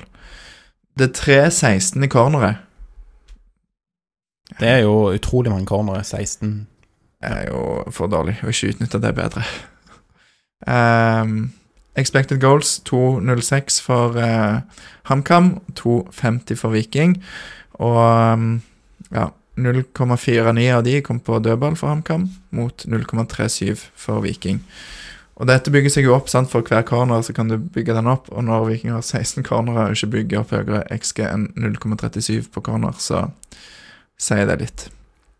Eh, og Ja, bare så det er så det er jo creds til HamKam er gode i den delen av spillet, da, med å forsvare Viking Ja, ja. sine cornere. Og, og bare så det er sagt også, hadde jeg tror Enkerud sitt mål hadde 0,5 i XG. Eh, så den er jo ganske høy. Mm. Eh, Pasninger på egen banehalvdel 48-170. På motstanders halvdel 90 400, mot 409. Vi har over 400 pasninger inne på HamKam sin banehalvdel. Mm, Hvor mange av de går på tvers, Aleksander? Eh, 399 Nei, jeg vet ikke. Ja, det er i hvert fall veldig Man vinner ikke kamper på bare slå pasninger på motstanderen sin halvdel, men det er klart det sier noe om, om dominansen der inne, da. Ja, og vi treffer på åtte av innleggene våre. Det er 18% Ja, det er lite. Det er altfor lite. Og så vinner vi eh, HamKam vinner 46 dueller, Viking vinner 34. Men dette, Lars, eh, sier jo òg noe kanskje om eh, eh, Ja, eller Og hun, Un- ja. luftdueller så er det 20-10 i favør eh, HamKam. Ja, de vinner 2010. Mm. Men dette sier kanskje noe om eh, Eller underbygger det som Slatko sier til Aftenbladet etterpå, etter kampen. Ja, på én måte. For Slatko sier at hvis vi spiller som dette i de neste kampene, så kommer det til å gå bra. Eller sitatet er ordrett. Kommer vi til å spille slik som dette i de neste kampene, kommer det til å gå bra. Det er tre kamper igjen her. Um, er det for optimistisk fra Slatko Tripic? Er det, er det bra nok, dette her? Er det bare den siste som mangler, eller hva tenker dere, jenter? Eh, det er jo bra at man eh, At han er veldig positiv, da. Eh, og jeg tror at det er jo de Jeg tror det er liksom begge deler. Vi må Noe på en måte må bli bedre, men samtidig så har det jo Du ser jo på statistikken at de Det tilsier jo på en måte at de skal vinne, eh, unntatt duellene, da. Så um, det er de marginene som må og avslutningene og siste tredjedel som må litt opp. Men ja. Hvor mye selvtillit si, tror du, Hanna? Nei, det har veldig mye å si. Du, du merka jo det i den perioden de var i, Um, med de der ti, ti seirene på rad. Da merka du at hele laget hadde selvtillit, men òg veldig individuelt på spillerne. At de hadde selvtillit til å gjøre, gjøre litt uforventa ting, da. Vet ikke, noe Det virker ikke som det er mye selvtillit igjen i den gjengen der. Nei, eh, det er, det er jo viktig, men jeg, er jo Slatko er jo inne på noe, da, ikke sant, med at eh, du, du taper jo et få Hvis du spiller denne kampen ti ganger, hvor mange av de taper du 3-0? Det er klart, du er ikke dominerende nok, da, eh, men eh, men du vil jo vinne et flertall av de, eller i hvert fall vinne halvparten, eller et eller annet, så Dette minner jo litt om i fjor. det gjør det. Høsten i fjor. Som eh, vi dessverre husker altfor godt. Mm. Det var, det var flere kamper der òg der Viking Alt gikk inn i den ene enden, og så klarte vi ikke å få mål i den andre. Eh, Og så har vi jo fått faktisk litt for godt betalt i noen av kampene på sommeren. Eh, Du nevnte ti på rad, Hanna. Eh, Et, spiller du de ti kampene på ny, så vinner du aldri verden alle ti. Så ja. Nå får du for dårlig betalt, da, syns jeg jo. Selvfølgelig, de fem siste kampene. Det er jo det som Det er der vi vil Viking skal være, at de tar de kampene òg når, de- når de ikke er så gode. Altså, sant? Du har jo du har hatt kamper der det har vært veldig bra og veldig gode. Eh, første jeg tenker på nå, er Bodø-Glimt-kampen var de bra. De var gode i Lillestrøm-kampen. Eh, de var gode i f.eks. Brann hjemme, det er de tre jeg husker best akkurat nå. Der de dominerte og vant. Åpenbart at de skulle ha vunnet de kampene. Men sånn som de kampene der de ikke dominerer, men likevel klarer å vinne. Det er jo det som er et gullag, og det er der Viking var i sommer, som de ikke har klart å gjenskape nå. Mm. Og så er jo spørsmålet, som jeg ser eh, mange mener på Twitter og sånn eh, For folk er jo naturlig nok sure. Folk reiser langt. Det var bra oppmøte av Viking-supporterne i dag. De sang gjennom hele kampen. Til og med, tror jeg, når det ble 3-0. Um, og så får de nok et tap. Og folk mener nå at Betty og Jensen de bør få fyken. Det er vel dere, Viking kvinner, har vel lyst til å ytre seg der og si at herrelaget herrelag sine trenere skal få, få sparken, eller hva? Nei, de eh, Nei, det vil ikke jeg sier noe på. Men de har jo eh, Det går jo i perioder. Eh, Sånn som de har for spillere, gjør det jo for trenere òg. Og de hadde jo òg i perioder når det gikk bra med lag, så fikk de jo månedens trenere. Og, eh, og de har jo egentlig truffet veldig ofte på byttene sine med at innbytterne har kommet og skåret en del. Eh, Eh, Påvirka kampbildet og ja. hatt målpoeng eller involver, eh, positive involveringer. Ja, så eh, Nei, det, jeg syns det er mye med marginene, egentlig. Og det å få den skåringen først, på en måte, det kan endre kampbildet. Eh, og ikke på en måte ta de sjansene i starten for gitt, da. Og fortsette å holde, holde like mye press hele tiden. Mm. Det er jo andre år på rad eh, der en får en sånn kollaps. Nå har vi jo heldigvis ikke muligheten til å få en like sånn stor kollaps med tanke på antall kamper som er igjen, men, men det føles jo nesten verre når vi var oppe der og vinner gull, og det kan i verste fall bli en femteplass nå, og liksom sjanseløst på Europa. Det skal litt til, da. Molde må vinne sine, og Viking må tape sine, men sånn det ser ut nå Hvorfor taper vi ikke resten av disse kampene, Alexander, hvis det fortsetter med denne flyten? Jeg tror faktisk at de har lært noe av eh, fjoråret. Men det virker jo ikke sånn. Det skjer, samme skjer jo nå. Ja, eh, det, jeg er enig i det. De er, de, og de er jo dårligere enn de var i disse kampene på sommeren, men de er ikke så mye dårligere. Og jeg tror faktisk at de, de er sterkere mentalt. De kommer til å, eh, til å ta eh, seire i de neste tre kampene. Jeg kan ikke skjønne noe annet. Jeg, jeg forventer at de tar to seire, og jeg tror de vil klare det. To av de neste tre. Så, så det er det, det jeg tror. Du ser at de spiller Ja, de spiller fotball sånn som de bør, i alle fall tidvis i dag. Det var et steg opp fra Strømsgodset sist, og de nå har mange av disse spillerne vært med på det. Og de lar seg ikke påvirke på samme måte som det de gjorde i fjor, eh, tror jeg. Og de spiller mye bedre fotball enn det de gjorde i fjor. Mm, Hva tenker du, Hanne, sånn For nå har vi snakket om flyten, og alle ballene som kan sprette Viking sin vei, de gjør ikke det, så spretter de HamKam sin vei, f.eks. målet. Hva, er trenerne, hva må trenerne gjøre annerledes her, eller er det spillerne?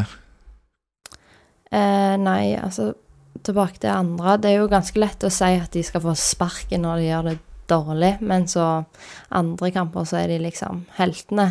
Så det er jo veldig lett å si etterkant sånn. Men eh, her så tror jeg bare samler oss og samler de og Det er jo viktig at de står sammen om det, og ikke liksom legger skylden på treneren eller legger skylden på noen, noen av spillerne som gjør feil.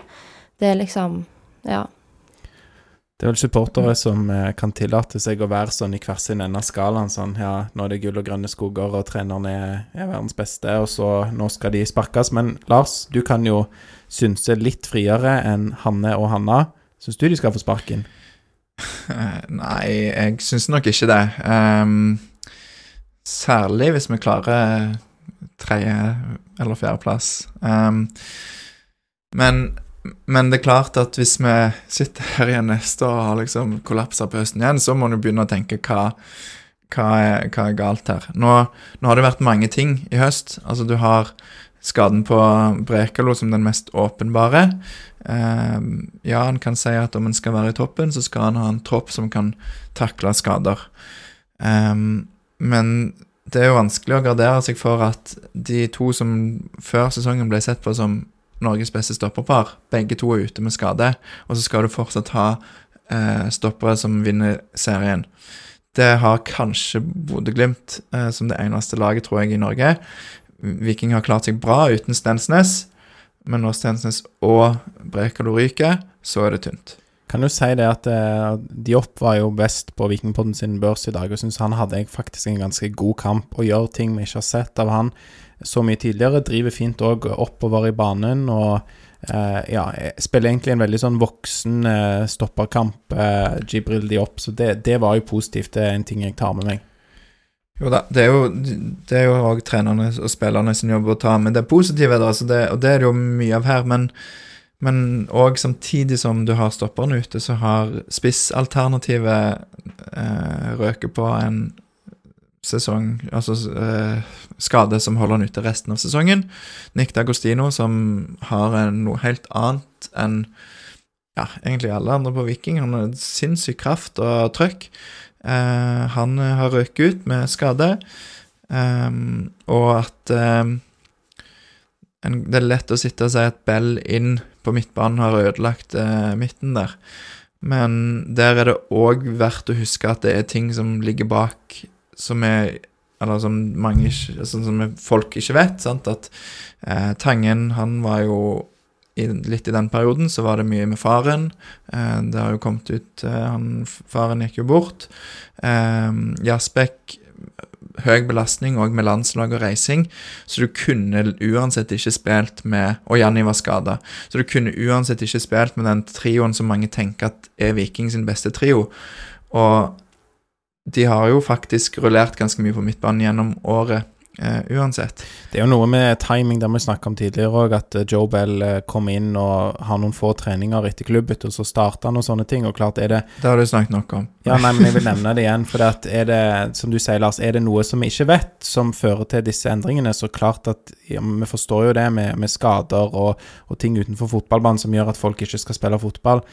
men jeg påstår jo fortsatt at det er, det er, noe rart med det at du skal kunne komme fra en annen klubb og bare starte. Men, men når du ser disse kampene under under ett, og de fem, eller hvor mange kampene det er siden Joe kom inn, og siden det har begynt å gå nedover, så klart at det er jo ikke en grunn for at det nå ikke går eh, veien. Det er, så, det er, så, sammensatt, og som jeg var inne på, vi har fått eh, for godt betalt i de ti kampene vi vant på rad, eh, og så får vi nå for dårlig betalt, men det er jo helt klart en formdupp, eh, ikke bare i resultater, det er òg i prestasjon. Og der er jo og tenker jeg, når vi snakket om Eller når jeg først har kjørt eh, rekka med skader, så er det jo verdt å nevne Sondre Bjørsol og Herman Haugen. Herman Haugen med tidenes verst tima avbrekk. Han har sittet på benken så å si hele sesongen, og når han foran deg i køen går ut med skade, så blir du skada sjøl. Eh, så Molde-kampen når vi taper 4-0 Så det var det Etter den så har vi ikke klart å liksom Det virker som som de er mer redde. Det virker som de Som lufta bare gikk ut av hele Viking. Eh, jeg vet ikke, klarer vi Hvordan skal de få tilbake igjen den der eh, go-en og Det er jo lett å si selvtilliten og, og gløden, men vet ikke, Hanne, har du, har du noen mm, Jeg tenkte litt på det Tripic sa. Eh, på det Når han På det TV-programmet han har blitt filma på, um, om at uh, han ikke på en måte tenker så mye på når han spiller, at uh, han kanskje høres cocky ut, men at det, det liksom Han tenker bare at han er den beste på banen når han går utpå, og går utpå med brystet heva og er litt stolt over å spille for klubben, da. Og at hvis alle går ut med den tankegangen, på en måte, om at ja, at det, de har litt samla, sånn som hus eh, Hanne sa, at eh, samla i både eh, hodet og eh, hvordan de beveger seg, da. Så hvis denne mentaliteten kan spre seg noe, den Tripic-mentaliteten For han er jo en erfaren mann utpå der, og de, noen mm. av de yngre blir kanskje mer påvirka?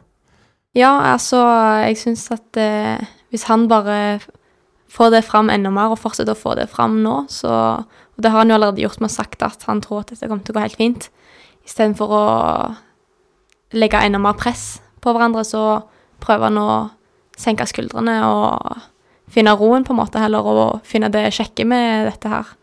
At det, det er jo, sånn som han sa, det er mye verre ting ute i verden, så det er jo bare gøy å gå ut på den banen og spille fotball. Ja, han har sagt når jeg, Han tok meg på at jeg brukte ordet 'redd' når jeg intervjuet noen en gang. At nei, nei, du skal ikke være redd for noe i fotball. Som, eh, som du òg refererer til. Um, Men en ting som òg folk er sure for, er jo at de siste kampene så har er det kun Tripic og Løkberg, tror jeg, som har gått bort og snakka med supporterne etter kamp. Eh, de står og klapper, og så har spillerne gjerne De fleste har vel vært borte og takka eller klappa, og så gått inn. Og så er det Tripic eller, eller Løkberg som har stått igjen og snakka. Det har Um, vært forskjellige, men det har vært ganske få. ja, og i, i dag var det Tripic og Løkberg, og da så jeg at det var noen som hadde skrevet på Twitter, beklager at jeg ikke husker, hvem, men at eh, de sa visst at det var liksom de som led, fra ledergrupper da, som skulle snakke med supporterne, og resten ble skjerma eller ville ikke. Hva som spillere Nå har jo ikke dere opplevd den samme verken kanskje eh, det sin, sinnet, da, for å bruke sånne ord, fra supportere, eller den samme nedturen. Men hva tenker dere om valget Viking gjør der? Altså, vi får jo alltid beskjed om, selv om vi eh, ikke er fornøyde og syns det er har hatt en drittkamp, eller hvis vi har tapt, da, vi fortsatt eh, skal respektere Eller liksom vi må jo alltid sette pris på publikummet som kommer. Eh, men samtidig, som du sier, vi er jo ikke vant til Vi har jo ofte barn som er bare glade for å se oss uansett. Og eh, for mennene kan det jo kanskje være litt mer hissige, som faktisk slenger ut litt eh, verre ting, da. Så det er jo litt eh, ulike situasjoner, da. Mm. Hva tenker du, Hanne, kan, kan vi supportere kreve at alle skal liksom gå bort og snakke? For én ting er eh, Jeg så bilde i dag av at de sto og klappa. Sant? Eh, takke for støtten. Men kan supportere kreve at spillerne skal gå bort og snakke med representanter eller hele feltet? Eh, ja, som du sier, så forventer i hvert fall eh, Jeg vil jo si at folk forventer at du i hvert fall klapper, og at det takker publikum, de som kommer opp og stiller, stiller opp på kampen og heier de fram. Eh, så det er jo normalt at de gjør. Men det andre så vet jeg ikke helt. Det trenger vel ikke et helt lag på å svare på noen spørsmål, sier jeg for meg. Men eh, ja eh, Jeg vet ikke helt. Eh, Jeg tenker vel kanskje spesielt på bortekamper. Da er det jo litt ekstra spesielt når fansen har reist langt for å komme og se på, at det kan være fint, og at de tar ekstra vare på de som har kommet så langt. Og kanskje flere tar seg litt ekstra tid, da, selv om de ikke føler seg så bra, på en måte. Ja, For jeg tenker jo det har jo mye med det at Som de ofte sier når vi snakker med dem, at de er minst like skuffa og sinte som supporterne sjøl. Og da, da vil en jo kanskje bare trekke seg tilbake og eh, håndtere følelsene, eh, og ikke bli liksom konfrontert med det som gjerne de tenker på som eh, teite spørsmål om hvorfor eh, gjorde du det ikke bedre? Sant? Altså, hva skal en svare på det?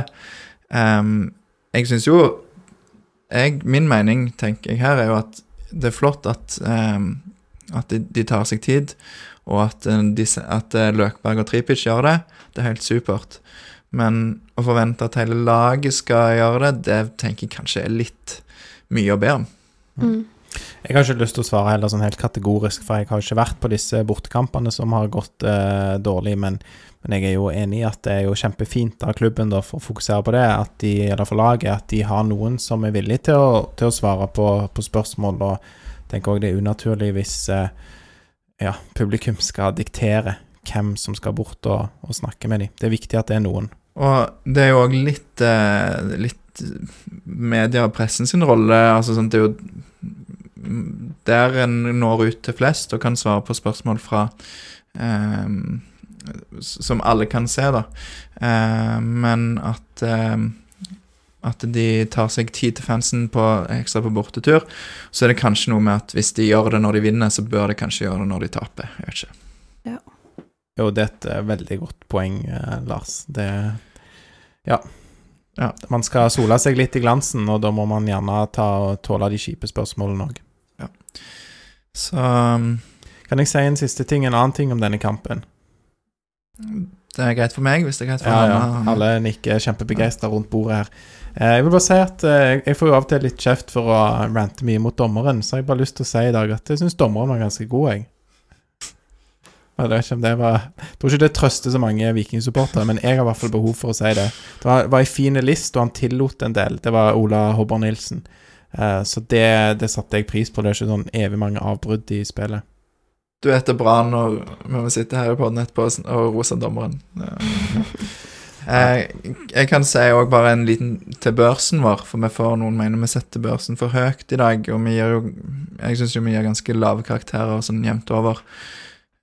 Og det Jeg tenker jo det litt viser litt igjen av det vi, som Tripic sier. Sånn det er, det er mye bra her. Laget de, de kjører jo kampen. Mm. Og så er det eh, et øyeblikks magi. Det er en eh, deflection og et viking som ofrer alt, som er de tre målene. Så kan du De som på en måte gjør jobb, ikke gjør jobben sin, er jo de som skal skåre mål i dag. Ja, og det det, å Noen kommer jo og sier sånn én på hele gjengen, jeg vet ikke om jeg har lest det nå, men, men å si liksom at alle skal ha toer og treere det, Hvis det skal være noen poeng med børs, så er du jo nødt til å se litt forbi resultatene. Du må jo faktisk se hva innsats spillere legger ned, hva de presterer, eh, hvor, hvor gode de er i det de er satt til å gjøre utpå der. Og det er faktisk ikke sånn at alle er ikke bås i dag fordi om vi taper 3-0. Så er det hvis laget til Viking Hva endte vi på i sum, husker du det? Jeg lurer på om det var 43, 43, eller eh, på 11 spillere. Ja, og hvis laget til Viking eh, får 43 poeng på børsen, og laget til HamKam får jeg vet ikke, 65 eller 70, så er jo det ganske stor forskjell. Det bør, det bør ikke HamKam få. De spilte ikke til 65 eller 70 for øvrig. De har gode ratinger på um, Alle spillerne til HamKam har god rating på statistikken. Ja, eh, det, det hjelper jo, for det. De, altså, de slipper jo null mål. Men nå snakker du om sånn automatisert statistikk, ikke sant? Mhm. Du snakker ikke om at mennesker sitter og vurderer subjektivt hvor gode HamKam var i dag. Det er riktig. Så det, HamKam var jo bedre enn Viking i dag. Det kan du jo si når de, når de vinner. Og mange spillere på en Jeg har ikke satt noe HamKam-børs i dag, men mange spillere ville jo fått gode karakterer. Men jeg kan ikke si at jeg syns de spiller en, en 70-kamp, liksom. Det er jo når når Viking vinner 3-0 hjemme mot Rosenborg og, og sånne ting. Det er de kampene jeg husker der vi har satt karakterer, tror jeg, som går opp i 70. Eh, så nå prøver jeg å ta det litt på husken, men det er jo helt andre typer kamper som er mye bedre enn det. Så tenker poenget i dag er jo at en kan ikke ta Viking på innsats, og kanskje ta dem på um, På vilje, men det er rett og slett um, mangler giftighet og brodd i egentlig begge ender av banen. Ja, og det er jo som du har vært inne på, Lars, det er noe naivt med disse ørten innleggene som de ikke konverterer til noe som helst. Det blir veldig lite ut av det. Litt på tampen når de har lagt om Mm. til, til to spisser, og da er det mer plass òg til de andre som er inne i boks. Men før det så, så ser det litt naivt ut. Vi har fått innspill fra Håkon Sandvik. Eh, Han eh, mener at herrene trenger hjelp. Lurer på om det er noen mulighet for at damelaget kan stille neste søndag klokka fem på SR Bank istedenfor. Da er vi faktisk i Ålesund, så Og vi har full tro på herrelaget. ja, de, skal, de skal klare det. De er gode nok til det, så ja. Nei, da eh, Dessverre, Håkon. Må skuffe deg der, men ja. En siste post på programmet i dag, da, da ser jeg mest på deg, eh, Lars. For det er jo en On This Day, og her er det en litt hyggeligere kamp vi skal tilbake til fra eh, 2018.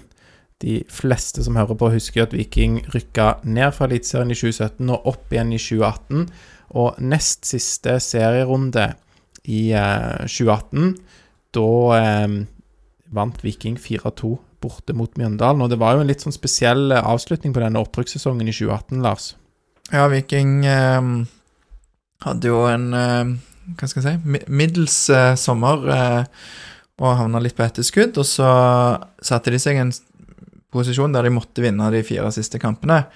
Eh, og det var såpass jevnt foran de at hvis de gjorde det, så kunne det bli førsteplass. Ålesund hadde jo en kjempeform fram til det, egentlig fram til de fem siste kampene, eller noe sånt, og leda.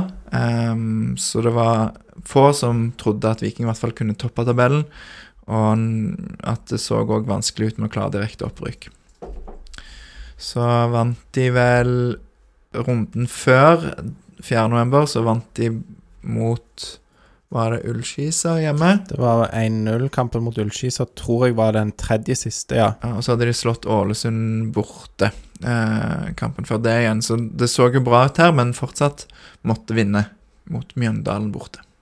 Og det gjorde de. De kom litt eh, skeivt eh, ut når eh, en sånn tap-in-skåring lå på fra Christian Gauseth i det syvende minutt. Og ja, så er det etter hvert en veldig fin flikk fra Tommy Høiland som eh, gjør at Viking utligner da ute i andre omgang. Og så kommer det et eh, veldig lekkert mål, eh, Lars, fra Symer Butichi. Ja, eh, det var noen av dere jenter som kjente Symer, var det ikke det? Eller? Nei, jeg Nei. kjenner lillebroren. Ja. Og Hanna, Hanne, du husker godt eh, denne sesongen til Symer når han var så god. Ja. Men husker du dette målet?